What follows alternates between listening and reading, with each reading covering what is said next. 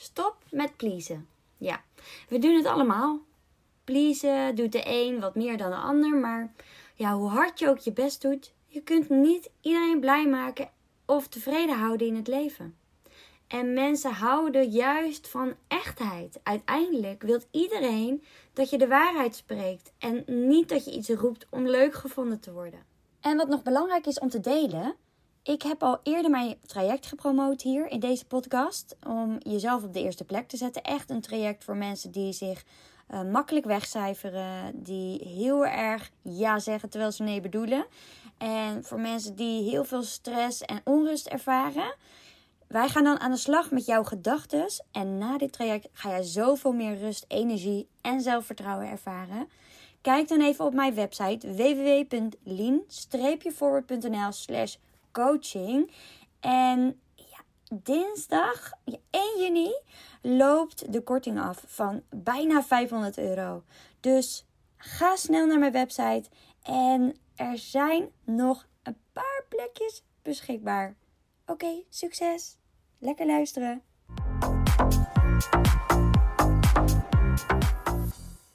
Hey, wat leuk dat je er weer bent. Ik ben aan het werk gewoon op een woensdagochtend en het zonnetje schijnt lekker. En ik woon vlak naast een basisschool met een hele toffe glijbaan hebben ze daar. Een hele lange, ik woon in Houten en iedereen is lekker aan het spelen in de pauze. En uh, jassen gaan uit. En, uh, dus ik ga denk ik zo meteen ook lekker een wandelingetje maken, want het weer is weer heel fijn. En, dus ik zit hier wel lekker eigenlijk. En ik wil het vandaag met jullie hebben over pleasen. Want achter ieder please gedrag zit een positieve intentie voor onszelf. Je cijfert eigenlijk hiermee een soort van jezelf weg voor een ander.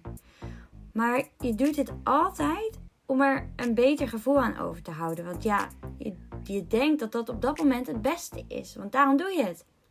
Achter please gedrag zit een pijn of verlangen dat je opgevuld geprobeerd te krijgen door het dus bij de ander te halen.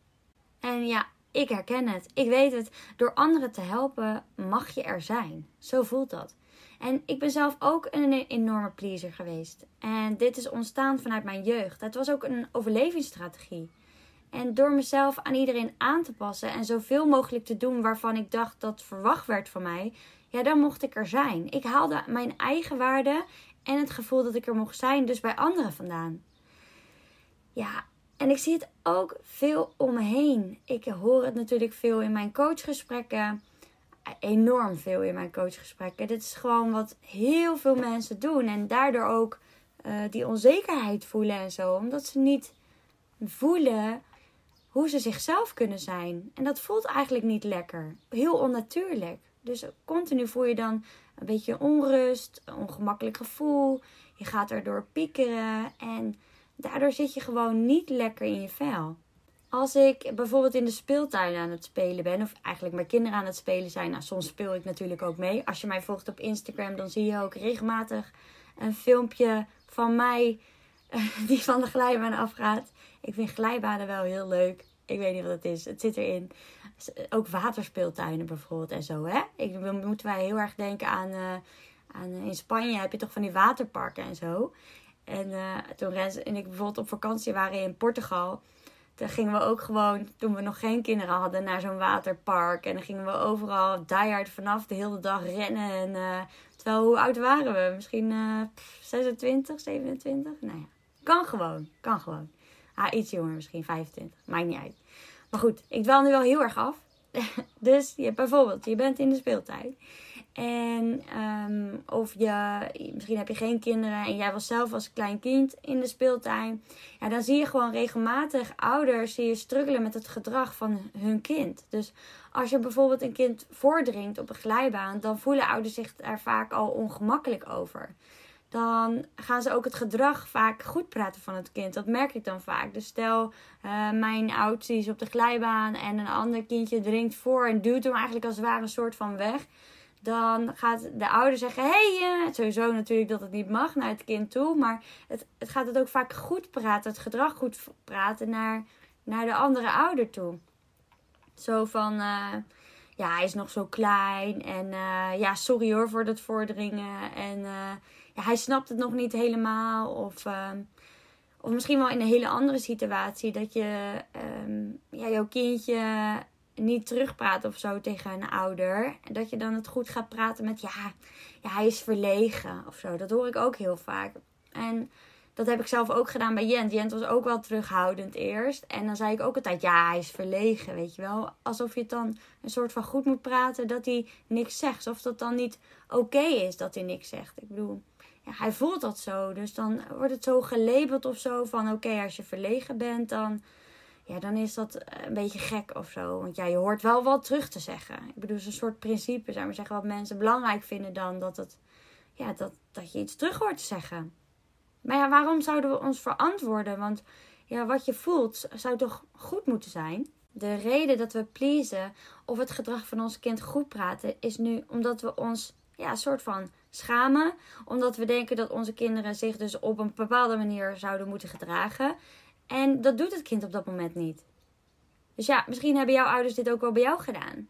Dat jij dan iets ook niet goed deed. Waarschijnlijk wel, want elke ouder heeft wel bepaalde meningen en bepaalde waarden uh, die ze uitdragen naar hun kinderen natuurlijk. En toch is please gedrag op lange termijn echt wel schadelijk voor ons. Want, want wat er gebeurt is dat we het gevoel waarvan we niet in staat zijn om dit uit onszelf te halen, bij anderen gaan halen. Dus we maken de ander eigenlijk belangrijker dan onszelf. En we worden heel afhankelijk van de ander. We geven de regie over ons eigen leven uit aan de ander. Ja, en dan krijg je dus uitspraken zoals, dus wat ik dan veel hoor, is ja, ik voel me een slaaf van de maatschappij. Of ja, ik wil wel, maar wat zullen de buren wel niet van me denken? Of ja, dan stel ik de ander teleur. Of ja, dan vinden ze me niet meer leuk. Of ja, als ik dat doe, dan, um, ja, dan heeft een ander daar misschien wel een andere mening over. En ja, je, je wil er ook voor die ander zijn. En uiteindelijk eh, ja, raak je zo ver van jezelf verwijderd dat het niet meer anders kan. Dat je bijna een depressie of een burn-out krijgt. Want je bent alleen maar bezig met wat belangrijk is voor de ander en niet wat belangrijk is voor jou. Waarom zouden we dan niet gewoon de dingen doen waar we zelf blij van worden en waar we ons wel goed bij voelen? Dat, dan zou het leven toch een stuk leuker en, en zal het leven ook veel makkelijker gaan. Maar dit vraagt ook iets van jezelf. Want ja, je mag de regie over je eigen leven echt wel terugpakken. Verantwoordelijkheid nemen en zorgen voor jezelf. En jezelf de moeite waard vinden om te doen waar jij echt gelukkig van wordt. Dus ga achter je keuze staan. Ga je eigen pad bewandelen zonder je te veel te laten belemmeren door wat anderen ervan vinden. En ook zonder van alles in te vullen voor anderen. Door ons bezig te houden met de ander is het inderdaad wel heel erg moeilijk om te doen wat je zelf wilt. Dan zit je continu in strijd. Stoppen met pleasen betekent dan ook echt kiezen voor jezelf. En daar gaat dus ook mijn nieuwe, het nieuw traject, coaching traject over, is jezelf op de eerste plek zetten. Dus de eerste stap om te kunnen doen waar we zelf blij van worden, is om de aandacht van de buitenwereld terug te halen naar jezelf. Dus naar jouw binnenwereld. En nadenken over, over wat jouw wensen en verlangens zijn en wat jouw kernwaarden zijn. In mijn volgende podcast, denk ik, als ik het zo goed zeg, ga ik het hebben over kernwaardes. Dus ook een heel interessant onderwerp. Dat gaat je ook heel erg helpen hierbij. Dus ja, voor mij is dit ook een heel proces geweest. En het kostte me echt inspanning in het begin. En er is ook gewoon heel veel moed, doorzettingsvermogen en wilskracht voor nodig. Het heeft van mij gevraagd om volledig terug te gaan naar, naar de basis van wat nu mijn waarden en verlangens zijn maar ook om andere keuzes te maken. En dit was niet altijd even makkelijk, want nieuwe keuzes maken of dingen anders doen is gewoon lastig. Daar heb je lef voor nodig.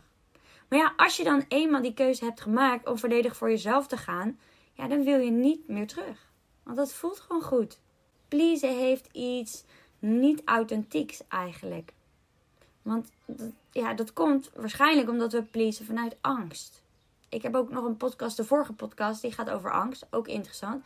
Want als we bijvoorbeeld bang zijn om niet leuk of aardig gevonden te worden, dan gaan we ook vaak pleasen. Of als we de ander niet boos willen maken of niet willen kwetsen omdat we bang zijn voor, voor ruzie, ja, dan ga je ook snel pleasen. En ja, het kan nog wel verder gaan dan dat. Want Wat als je de angst om iemand te verliezen zo groot is dat je er alles aan doet om de ander gelukkig te maken, ten koste van je eigen behoeftes en van wie je eigenlijk bent en wie uh, je zou willen zijn in het leven. Er zijn verschillende manieren waarop je kunt pleasen. Je kan bijvoorbeeld uh, je beter voordoen dan dat je bent om indruk op iemand te maken. Zo, um, dan moet ik tegelijk denken aan vroeger op een feestje dat ik dan uh, bijvoorbeeld uit was met een vriendin en dan leerden we een groep vrienden kennen. En dat waren bijvoorbeeld allemaal universitaire uh, studenten. Ja, dan durfde ik in zo'n groep, als je dan aan het vragen was of gesprekken had met die mensen. Van hé, hey, uh, wat heb jij gedaan? Uh, wat voor opleiding? En weet ik veel wat, of wat doe je? Dat durfde ik echt niet te zeggen. Nou, ik, ik heb een MBO-opleiding gedaan. En ja, want dan schaamde ik mij gewoon daarvoor. Ik vond mezelf gewoon minder. Zij waren beter dan ik, omdat zij, dat was natuurlijk een overtuiging, omdat zij ja, wel een HBO of een universitaire studie hadden. Maar daarmee zeg ik eigenlijk dat ik mezelf niet accepteer met alles wat ik heb gedaan. Dus er zit een enorme oordeel op en een hele dikke overtuiging achter. En die belemmert je. Ja, of je gaat dus de ander op een voetstuk zetten door diegene te overspoelen met complimenten. En ja, dan ga je dus jezelf kleiner maken dan je bent om leuk gevonden te worden of aardig gevonden te worden. En ja, ook hier was ik heel erg goed in. Want misschien herken je dat dan ook wel, dat je dan bijvoorbeeld een compliment krijgt van iemand. Van, oh, wat heb je, ja, mooie haren of weet ik veel, leuk setje kleren aan. Dat je dan zei, oh, nee joh, eh, ja, jij ook toch? Jij hebt ook van die mooie dikke haren. Of uh, weet je wel, dat je dan dat compliment ook niet kan aannemen. En meteen ook die ander weer groter wilt, wilt maken eigenlijk, als het ware. Het kan ook zijn dat je precies doet wat de ander wil. En vergeet daarbij je, je, en je vergeet daarbij je eigen grenzen en behoeftes. Dit doen we ook vaak bij de mensen waar we ons afhankelijk van voelen. Misschien wel je ouders. Ja, daar ben je natuurlijk altijd afhankelijk van geweest. Nu ben je dat niet meer, maar vaak zit dat gedrag nog wel zo vastgeroest in jou. Waardoor je dus die afhankelijkheid soms nog wel ervaart. Um, of je hebt je afhankelijkheid doorgegeven aan je partner. Dus je bent dan niet meer afhankelijk van je ouders, maar je voelt je wel afhankelijk van je partner. Want als hij zich niet lekker voelt, voel jij je ook niet lekker. Of als, als hij boos op jij, jou is, ja, dan voel je daar helemaal niet fijn bij. Of als, weet je, dus dan ja, is het gevoel van jouw partner ja, ook verbonden met jouw gevoel. Dus ben je afhankelijk van iemand. Of misschien ben je wel afhankelijk van je manager. Dat kan ook we willen het, gewoon ook goed doen. Waardoor je soms wel mee wil praten met collega's of misschien wel dus je manager. Terwijl jij eh, over bepaalde werkwijzen een hele andere mening hebt. Maar dat dus niet durft te zeggen. Omdat je niet de ander wilt kwetsen. Of wil laten blijken dat zij het misschien niet, uh, niet juist hebben. Dus dan ja, dan maak je jezelf eigenlijk ook kleiner dan je eigenlijk bent. Want je hebt er mening over. Je hebt iets goeds bedacht. Maar dat durf je niet vooruit te komen. Omdat je ja, bang bent. Misschien ook wel bang om te falen. Daar is die angst weer. Of uh, omdat je bang bent dat de ander ja, het niet oké vindt. Dus uit onzekerheid. Of omdat de ander, uh, dat je de ander niet wil kwetsen. Of uh, dat je aardig gevonden wil blijven worden. Het kan ook zijn is dat je er alles aan doet omdat je niet wil dat de ander boos wordt, bijvoorbeeld. Dus om conflicten te vermijden. Dit had ik ook vaak in mijn relatie. Bijvoorbeeld als Rens dan een andere mening had, dan ging ik uh, aan mijn eigen mening twijfelen. En vond ik het moeilijk om bij mijn standpunt te blijven. Bijvoorbeeld, ja, mijn schoonouders die willen bijvoorbeeld op bezoek komen. En je hebt er eigenlijk geen zin in. Maar jouw ouders zijn net het weekend geweest. En ja, daardoor heb je het gevoel dat je eigenlijk geen nee kan zeggen. Want ja, jouw ouders zijn ook net geweest. Dus ja, maar je kijkt net zo erg uit naar een weekendje eindelijk even helemaal niks. Maar hij kijkt er heel erg naar uit dat zijn ouders weer een keertje op bezoek komen. Want die komen bijvoorbeeld niet zo vaak. Dus als jij dit dan heel voorzichtig tegen hem zegt, ja, dan wordt hij misschien wel boos. Dat kan. Het kan zijn dat je dit al van tevoren weet van oh, hij wordt boos. Dus dan zeg je dat dan al heel voorzichtig. Van uh, nou, uh, ik zou eigenlijk toch niet zo heel, uh, heel chill vinden. Want ik, ik had net zo behoefte aan een, een lekker weekendje, even helemaal niks. Ja, en als hij dan boos wordt, wat je stiekem misschien al ergens had verwacht, dan spring je dus meteen in die beschermingsmodus. En ik wilde ook niet dat hij boos ging worden. Mijn vader was vroeger bijvoorbeeld heel vaak boos. En ik heb geleerd dat dit gewoon niet oké is eigenlijk. En, en ik vond het ook niet fijn. Dus daarom is boosheid voor mij ook echt een, no-go of zo, weet je. Daar kan ik gewoon niet zo goed tegen. Dus ja, dat wilde ik ook echt niet. En dan, dan ging ik ook toegeven. Want dan, ja, dan, dan voelde ik me schuldig. En dan dacht ik, oh ja, je hebt ook gelijk. Ja, inderdaad. Want jouw ouders die zijn ook... Uh, ja, mijn ouders zijn ook geweest. Dus ja, ik snap het wel. Ja, jij wil je ouders ook zien. En dan ging ik zelfs nog sorry zeggen ook. Voor, wat ik, voor mijn eigen gevoel. Wat best wel erg is. Want dan neem je dus je gevoel niet serieus. En ben je er dan nog wel voor jezelf? Want ja, dat gevoel, dat is er. En ja, waarom moet er dan een goede fout label aangegeven worden? Je voelt gewoon wat anders dan je partner. En je kan je gevoel niet, stu uh, niet, ja, je kan je gevoel niet sturen. Dus hoe erg gaat dan pleasen ten koste van jou? Van wie jij bent? En waar blijven jouw behoeftes en grenzen? Dus als je zo bezig bent met, een, met de ander tevreden te stellen, is er dan nog wel genoeg ruimte over voor jou? Zo had ik bijvoorbeeld ook in deze situatie kunnen zeggen: Oké, ehm, laten we een middenweg vinden. Laten we komen in een win-win situatie. Weet je, dat dat bijvoorbeeld je ouders wel kunnen komen. Maar dat ik wel eerst nog heel eventjes zelf een uurtje ga wandelen. En dan daarna nog even aansluit. Dat zij hier nog een half uurtje zitten. En dan, weet je, dan ga jij weer je eigen ding doen of zo. Zoiets. Ik bedoel, wie zegt dat jij daar uh, ook de hele tijd bij moet zijn? Als jij het belangrijk vindt om even een, een weekendje helemaal niks te moeten. Als jij dat voelt, dan is dat helemaal oké. En dan kan je gewoon samen een manier vinden waarin je in een win-win situatie komt met elkaar je hier bewust van zijn is een, al een super begin. Dus deze podcast luisteren geeft al zoveel bewustwording dat je hier gewoon mee aan de slag kan gaan. Dus vraag jezelf eens af: hoe vaak please ik en wanneer doe ik dat? Zo herkende ik ook dat ik vaak aan het pleasen was omdat ik anderen dus niet wilde kwetsen of teleurstellen. Ik vond het ook altijd moeilijk om bijvoorbeeld opbouwende kritiek te geven op werk en bij een collega of zo als uh, bijvoorbeeld uh, iemand een foutje had gemaakt of als, um, als ik dacht van nou dit kan eigenlijk wel anders. Zeker bij de mensen die daar dan gevoelig voor waren. Dat voel je ook gewoon bij mensen. Dat je denkt oh ja als ik, als ik dit tegen haar ga zeggen dan gaat ze dat niet tof vinden weet je wel. En dan ga je, ja, ga je dat beschermen. Wil je haar niet kwetsen en je wilt ook geen gedoe of ruzie. In dit geval ja ik hou er niet van als mensen boos zijn. Of je hebt de overtuiging ik moet aardig gevonden worden.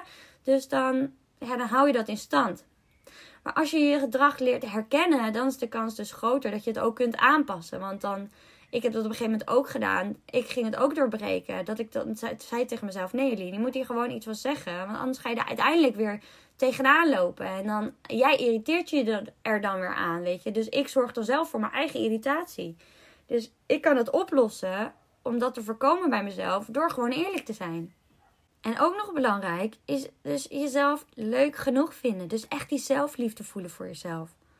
En dat is in deze denk ik ook de basis in dit alles. Want als je jezelf leuk genoeg vindt en je minder goedkeuring nodig hebt van anderen, ja, dan wordt pleasen eigenlijk ook overbodig. En dat is ook wat je kan onderzoeken. Hè? Want ja, de reden dat je die zelfliefde niet ervaart en dat je, dat je afhankelijkheid ervaart en dat je het gevoel hebt dat je gevoel er niet kan zijn, omdat de ander anders boos wordt of weet ik veel wat. Ja, dat kan je allemaal onderzoeken door middel van je overtuigingen, die jou dus belemmeren helemaal jezelf te zijn. Dit is ook wat ik aanbied in mijn traject. Je gaat echt helemaal dat onderzoek in met een paar vragen. Leer je jezelf helemaal kennen. En dat is zo handig om te zien waar die patronen liggen. En om die belemmerende overtuigingen op een andere manier door een andere bril te bekijken. Waardoor je gaat zien: oké, wacht even. Hier wilde ik normaal gesproken gaan pleasen. Maar nu weet ik dit. Dus hier stopt erop. En wat kan ik nu anders doen? Of wat kan ik nu anders zeggen waarbij ik wel bij mezelf blijf? Is zo belangrijk. En het laatste wat nodig is, is dat je je leert ja, begrenzen. Iets waar veel mensen moeite mee hebben. En wat ik ook snap, want dat heb ik ook heel erg gehad. Dit allemaal natuurlijk. Want de reden dat ik hier zo over kan vertellen, is ook omdat ik hier ook allemaal doorheen ben gegaan. En ik weet ook hoe het is om wel die zelfliefde te ervaren. En je gewoon helemaal onvoorwaardelijk te voelen. Gewoon die onvoorwaardelijke liefde zonder afhankelijk van iemand te moeten zijn.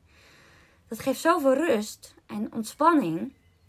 Dus ja, grenzen aangeven is vaak ook eng. Maar het levert ook enorm veel op. Je leert door grenzen te stellen of, ja, of mensen ook wel echt omgaan met jou, voor jou en om jou. En niet omdat je overal mee akkoord gaat vanuit please gedrag. Want ja, je, eigenlijk wil je helemaal niet dat mensen bij jou zijn omdat jij aan het pleasen bent. Nee, je wil gewoon jezelf kunnen zijn, toch? Dat is toch het allerbelangrijkste. Is dat jij jouw leven leeft. Dat jij jouw pad blijft bewandelen. Want alleen daar voel jij je gelukkig. En ja, mensen zijn verschillend. En je kan niet iedereen tevreden houden. En dat hoeft dus ook niet. Jij houdt toch ook van de mensen die echt met je zijn. En je wilt toch ook weten um, met wie je echt omgaat. Dus draai hem dan ook om. Weet je. Jij wil ook niet dat een vriendin jou gaat pleasen en zichzelf helemaal daarmee wegcijfert. Dat wil je niet. Je wil ook dat die vriendin van jou of jouw partner of je ouders zich gewoon echt goed voelen. En niet zich anders voordoen voor jou. Dat zou naar zijn, toch? Dus hetzelfde geldt ook voor jou. En je bent mooi zoals je bent. En daar ga ik ermee afsluiten. Je bent mooi zoals je bent. Onthoud dit. En wil je hier meer over weten? Volg mij sowieso op Instagram. Daar deel ik van alles. Lean-forward. En als je dus geïnteresseerd bent in dit traject, ga dan even naar mijn website www.lean-forward.nl slash coaching. En daar vind je alle informatie om helemaal te zien wat het allemaal inhoudt, hoe waardevol het is en wat je ermee kan en kan bereiken en ervaren en voelen en hoe mooi je leven er kan uitzien na dit traject. Dus ga gewoon even kijken en als je vragen hebt, laat het me weten. Doei! Wat tof dat je hebt geluisterd. Deel het op Instagram om ook anderen te inspireren en tag mij. Het zou mij enorm helpen als je deze podcast gaat volgen en als je een review achterlaat op iTunes via Apple Podcasts. Zo word ik beter vindbaar en kan ik daarom nog meer mensen helpen. Bedankt. Doei!